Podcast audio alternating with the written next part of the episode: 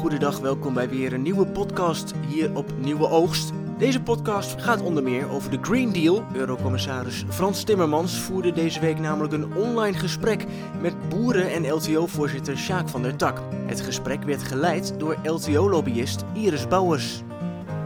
Van harte welkom in deze townhall met Eurocommissaris Timmermans. Vandaag gaan we in gesprek met de eerste vicevoorzitter van de Europese Commissie over de toekomst van de Nederlandse land- en tuinbouw. Allereerst, Sjaak, welkom. Um, Dankjewel. Waarom heeft LTO ervoor gekozen vandaag deze townhall, dit gesprek met de commissaris uh, voor de Nederlandse boeren en tuinders te organiseren? Nou ja, als LTO zijn we al lang betrokken natuurlijk in het gemeenschappelijk landbouwbeleid. En ja, ook al heel veel leden weten van de Green Deal met hoge doelstellingen voor biodiversiteit en uh, de boer tot bordstrategie. Onze Nederlandse boeren die zijn eigenlijk al 30 jaar aan het werk met innovatie en verduurzaming. Iedere dag, iedere week, ieder jaar. Maar ja, hoge doelstellingen, daar hebben we ook natuurlijk wel wat zorgen over. Kunnen we zwarte cijfers blijven schrijven? Duurzaamheidsdoelen kunnen niet nog meer de FSC efficiëntie of laten we zeggen op de kostprijs drukken. Dus wat dat, wat dat er gaat, is het echt ook in deze tunnel van groot belang dat we goed met elkaar in gesprek zijn. Commissaris eh, Timmermans, waarom wilt u dit gesprek met Nederlandse boeren en tuinders vandaag voeren? Nou ja, als je, ik ben verantwoordelijk voor de Green Deal in Europa. En als er één beroepsgroep is die daardoor uh, geraakt wordt, uh, voor, wie, voor wiens toekomst dit heel belangrijk is, dan is het de, de boerenstand. Um, en ik ben iemand, ik, ik weet dat uh, er veel over elkaar wordt gesproken, maar het is veel beter om met elkaar te praten. Ik heb ook beloofd dat zodra we weer kunnen reizen, ik uh, heel graag uh, boeren thuis bij hun bedrijven wil gaan bezoeken, ook in Nederland. die belofte wil ik graag in stand doen en dat zie ik ook dit gesprek als gewoon een eerste begin. En die boeren die mij graag eens een keer bij hen willen ontvangen om iets te laten zien of met mij in gesprek te gaan, ik sta daar heel graag voor open. Dank u wel. Um, dan starten we maar direct uh, deze middag met het eerste thema. Dat is klimaat. En daarvoor gaan we eerst kijken naar de vraag van akkerbouwer Marcel Kooijman. Beste commissaris Timmermans. Sinds 2020 neem ik deel aan het uh, project van Windpark Krammer dat zij ons betalen om uh, koolstof op te slaan voor hun. Dit is een manier van boeren die ons uh, zeker goed past, maar het is wel een manier van boeren die moet passen. Niet iedere boer zal daarmee om kunnen gaan of ermee om willen kunnen gaan. Het is een aparte manier van boeren die in mijn beleving zeker niet verplicht zou moeten worden. Mijn vraag aan u is, hoe kan ik in de toekomst met uw plannen acties nemen voor het klimaat en hoe kan ik daarvoor beloond worden? Ja, ik vind het echt prachtig wat u vertelt. Want uh, wij zien echt grote kansen in dat koolstofboeren. Um, als aanvulling natuurlijk op uh, de bedrijfsvoering zoals we die kennen. daarvoor denk ik um, is de, de, de onderhandelingen die we nu voeren over het gemeenschappelijk landbouwbeleid... die ertoe moeten leiden dat we met meer eh, zogenaamde eco-schemes eh, gaan werken in de Europese Unie. Die, die eco-schemes moeten dan door de nationale overheden worden vertaald in nationale beleidsplannen. Daar zullen we ook met de Nederlandse regering over praten. En wat ons betreft komt daar eh, ondersteuning in, ook betaald met Europees geld, eh, voor onder andere uh, uh, het, uh, opslaan van CO2 door boeren als een inkomensbron. bijvoorbeeld door land weer nat te maken daar waar het kan. Kijk, in Nederland is het wat ingewikkelder omdat we zo weinig ruimte hebben. Dat speelt ons enorm parten. Maar desalniettemin als ondernemers zoals hij daar brood in zien, zullen we dat ook gaan ondersteunen. Is ontzettend belangrijk. En ook daarin een, een stuk innovatie brengen. Want ik denk ook dat als je in Nederland ziet met de beperkte ruimte die je hebt, als wij daar winsten willen halen, als we daar een fatsoenlijk inkomen voor gezinnen uit willen genereren, zal dat met een enorme innovatie gepaard moeten gaan. En ook dat willen we graag met landbouwondersteuning subsidiëren. Dank u wel. Uh, inmiddels hier aangeschoven in de studio Edwin Michiels, uh, portefeuillehouder Natuur, Klimaat en Energie bij LTO. Uh, Edwin, je hebt een vraag voor de commissaris. Vertel. Iris, dankjewel. Dus hoe gaat u nou rekening houden met het onderscheidende karakter van de primaire sector als het gaat over onze investeringscycli van tientallen jaren? Dat is een heel belangrijk punt. Um, als we kijken naar de omschakeling naar een duurzame samenleving, is de landbouwsector daarvoor totaal onmisbaar. Uh, je moet je voorstellen, we moeten in de toekomst misschien wel 10 miljard mensen voeden op deze planeet. dat wordt een gigantische opgave, omdat de planeet niet groter wordt. en sommige van de uitdagingen, zeker omdat de klimaatverandering al plaatsvindt, alleen maar groter worden. Dus een, een hoogtechnologische landbouw uh, die uh, onder uh, ecologische randvoorwaarden top product levert, is van het grootste belang. Daarvoor zijn lange in, in, investeringstermijnen absoluut noodzakelijk. En wij moeten daar bij onze plannen ook rekening mee houden. Dat zullen we ook doen.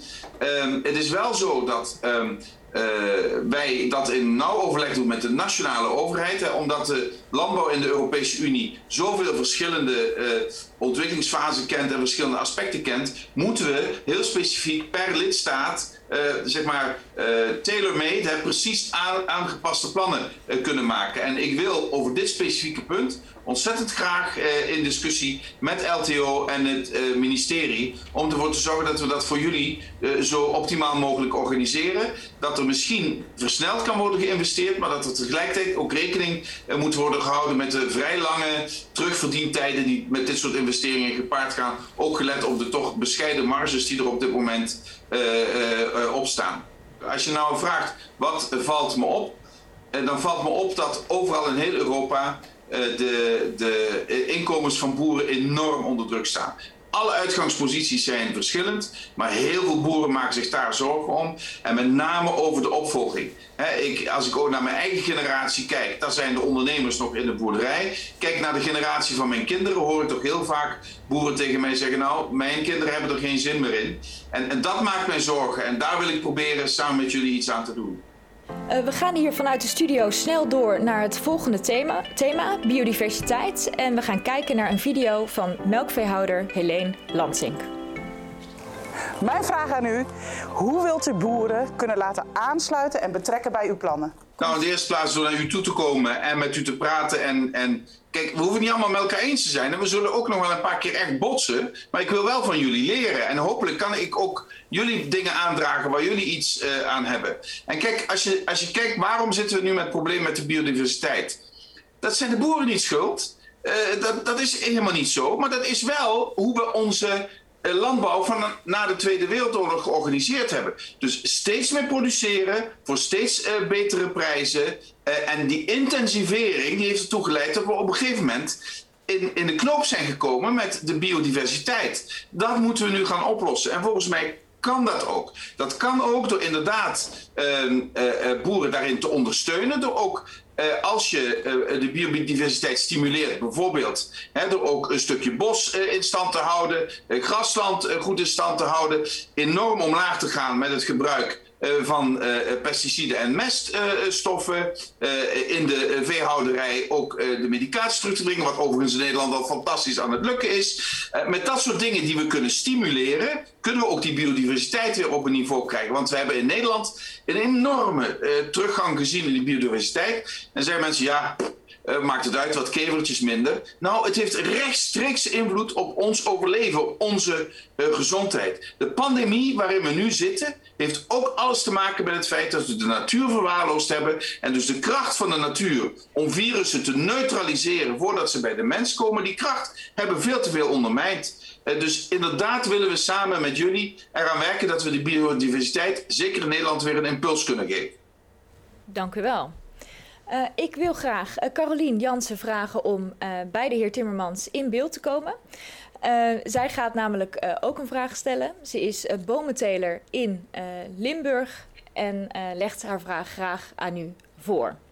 Commissaris Timmermans, ik zou graag willen weten waar wilt u de ruimte vandaan halen voor de 37.000 hectare bos die aangeplant wordt worden in Nederland? Zoals u heel goed weet, bos is niet een paar bomen die je plant. Het bos ontstaat pas heel lang nadat je die bomen hebt geplant. Dus we moeten daarin investeren. Kijk, voor mij is het probleem, u stelt een hele directe vraag aan mij. Waar ga je die ruimte vinden in Nederland? Ja, het, het, het is niet, ik, ik wil er niet van afmaken, maar daar ga ik niet over. En dat, dat, moet ik ook echt aan de Nederlandse overheid laten. Daar mag ik niet uh, uh, uitspraken over doen of indicaties voor geven. Wij willen heel graag met de Nederlandse overheid uh, daaraan werken om dat mogelijk te maken. Maar we hebben op de Europese schaal hebben het nodig dat dat we hier massaal in investeren Ook omdat we onze klimaatdoelen niet zullen halen en onze biodiversiteitsdoelen zeker niet, als we niet massaal in het planten van bomen investeren. Overigens, niet alleen op het platteland. We moeten ook heel dringend onze steden vergroenen. Heel dringend onze steden vergroenen.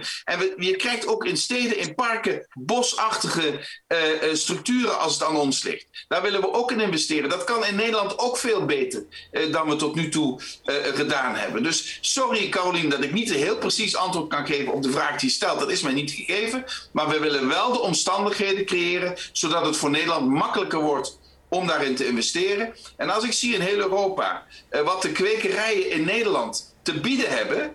Uh, uh, je, je, je, ziet, je ziet bijna die jaloerse blikken bij de Europeanen en, en over wat die kwekerijsector kan betekenen als we gaan herbossen, als we gaan, nieuwe bossen gaan aanleggen. Dat is voor, denk ik, de Nederlandse landbouwsector ook een enorme kans. We gaan snel door naar het laatste thema van vanmiddag, verdienvermogen. En daarvoor gaan we kijken naar een video van glastuinder Rob Baan. Wij verlichten onze kassen met LED's.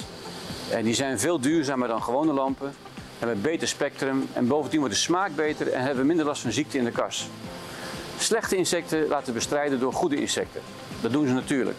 Of we zetten deze drones in die dus door insecten heen vliegen.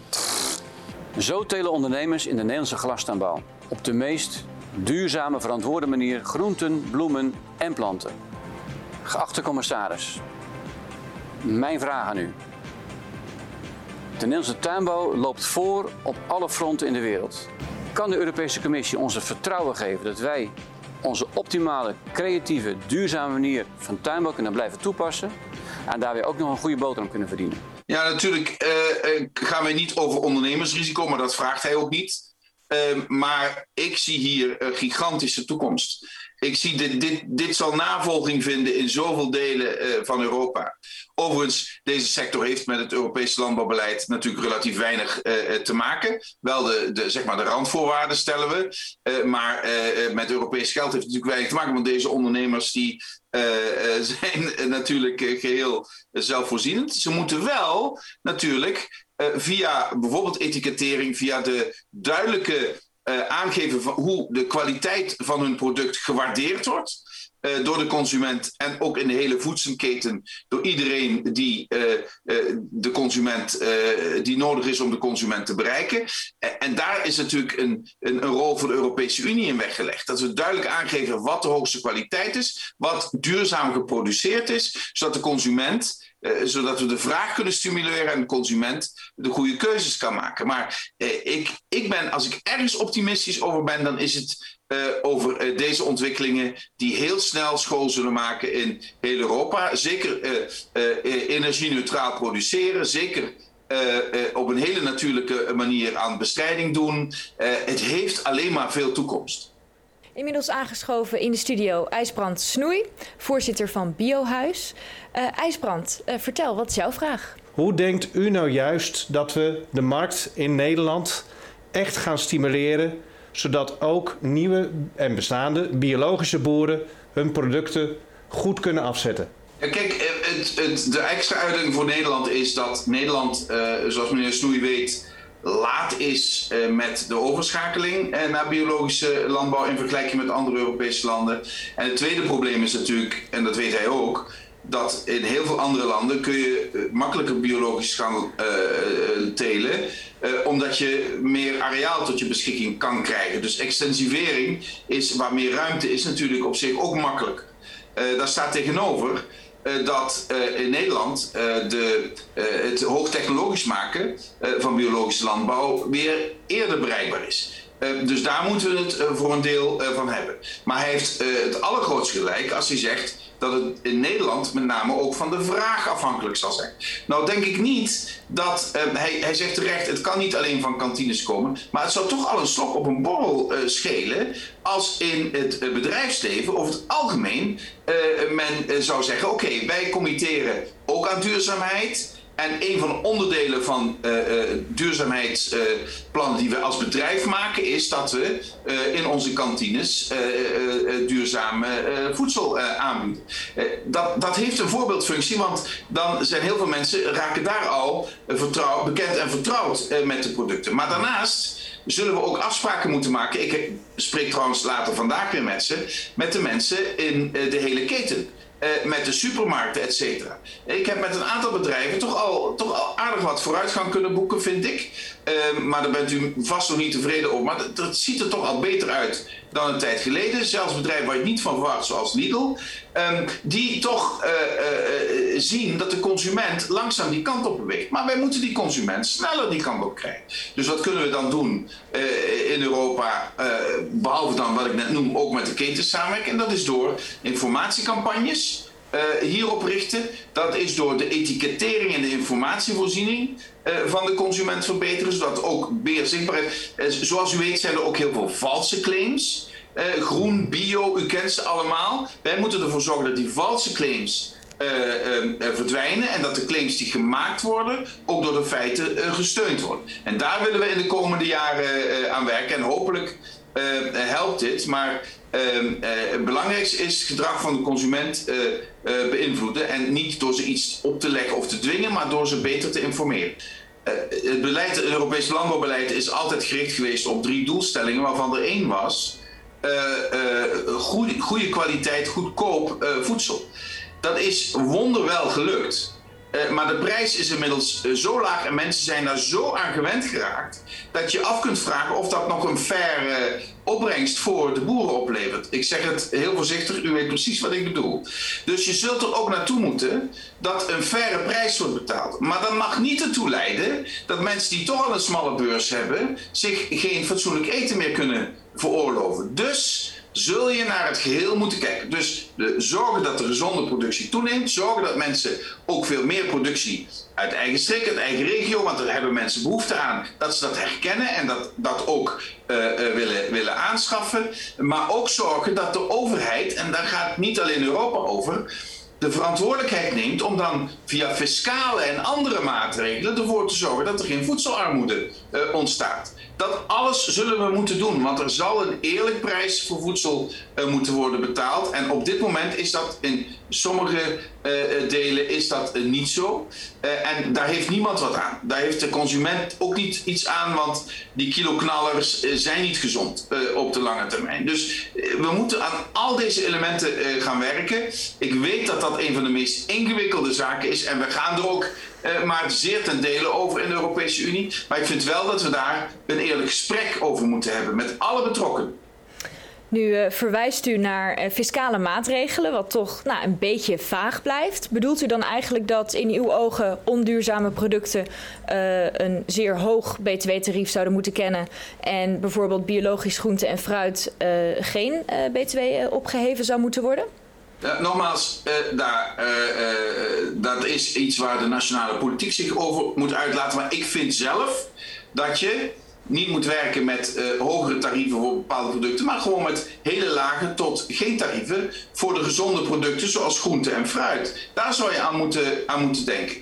Uh, voor we de sessie uh, zo meteen gaan afsluiten, uh, deel ik nog graag een hartekreet met de commissaris. En die komt van de jonge melkveehouder Marije Klever.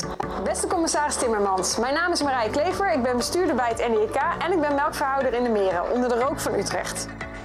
Maar juist om schoner en duurzamer te produceren, voldoende kwalitatief hoogwaardig voedsel te produceren en ons prachtige landschap te onderhouden, hebben we jonge mensen met een frisse blik, kei en keihard nodig. Ambitieuze jonge boeren die je verliest, krijg je nooit meer terug. Dus wees zuinig op ons. Uh, dit is een probleem dat we in heel Europa zien, niet alleen uh, in Nederland. Uh, het, het, uh, en en, en zij, zij bekijkt het terecht vanuit het perspectief uh, van de jonge boeren. Uh, voor jonge boeren hebben we hartstikke hard nodig en we zullen hen ook perspectief moeten bieden. maar ik, ik als vader en inmiddels zelfs grootvader zie ook wel zeg maar, de gebroken harten in de ogen van hun ouders. die ook graag, net zoals zij vroeger het bedrijf van hun ouders hebben overgenomen, zouden zien dat hun bedrijf wordt overgenomen. Dus ik denk dat dit iets is wat generaties verbindt. En dat je de oudere generatie een enorm plezier zou doen door de jongere generatie zeg maar, een duwtje in de rug te geven als ze bedrijf willen overnemen. Misschien kan dat door ze eh, op weg te helpen met het versneld invoeren van de nieuwste eh, technieken en technologieën in, in de landbouw. Er is nog heel veel winst op dat punt te behalen. Ik geloof dat LTO ook uh, erg op dat spoor zit. En ik, ik, ik prijs LTO daar zeer voor. Uh, en ik denk dat uh, we zullen moeten kijken naar de financieringsvormen, maar ook naar levensloopbestendige manieren van boeren. Hè? Dus, dus jonge mensen hebben ook een andere blik over hoe ze hun tijd indelen. En ook hier kan technologie ervoor zorgen en samenwerking ervoor zorgen dat uh, boeren, uh, jonge boeren ook wat ze willen, goed op vakantie kunnen als ze dat willen. Of zorgtaken op zich kunnen nemen als ze dat willen. Of ook andere eh, economische activiteiten binnen hun bedrijf kunnen organiseren. Dat alles zullen we in de komende jaren moeten faciliteren. Want eh, kijk, in Nederland, zij zegt terecht, in Nederland is het woekeren met de ruimte en moeten we zorgen dat het nog een beetje eh, groen blijft. Maar als ik naar op de Europese schaal kijk, dan maak ik me heel veel zorgen over het afsterven van heel veel delen van ons platteland, waar mensen wegtrekken, waar scholen gesloten worden, waar geen economische activiteit meer is. En de steden raken overbelast. Dus we moeten weer een nieuwe balans tussen steden en het platteland zien te vinden. Op Europese schaal, maar ook in Nederland. Uh, en de steden kunnen groener, het platteland kan moderner. Uh, uh, zoals ik zei, met breedband en met andere nieuwe technieken. En er is geen enkele tegenspraak tussen duurzame landbouw en hypermoderne landbouw. Sterker nog, die hebben elkaar nodig. Dus waar ik kan, waar wij kunnen, zullen we ook jonge boeren proberen te ondersteunen en te helpen. Dank u wel. Uh, inmiddels weer bij mij aangeschoven uh, LTO-voorzitter Sjaak van der Tak. Uh, ik geef je graag het woord. Buitengewoon dank voor de wijze waar u hebt deelgenomen in ons webinar. Fantastisch om zo de dialoog te zoeken. En ik begrijp heel goed dat het een eerste stappen zijn. Ook op weg naar echte bezoeken. En ik weet zeker dat er hier mensen in deze dialoog hebben gezeten die met u dat gesprek graag doen. Van, uh, van mensen vanuit de energiekant en de klimaatkant tot aan de biokant en de jongeren. Dus dat gaan we zeker een keer met elkaar doen, zodat er ook weer dat gesprek voor beide kanten verrijkend is om te werken aan een goed Europees landbouwbeleid. Waar boeren ertoe doen en waar boeren zorgen voor onze voedselvoorziening.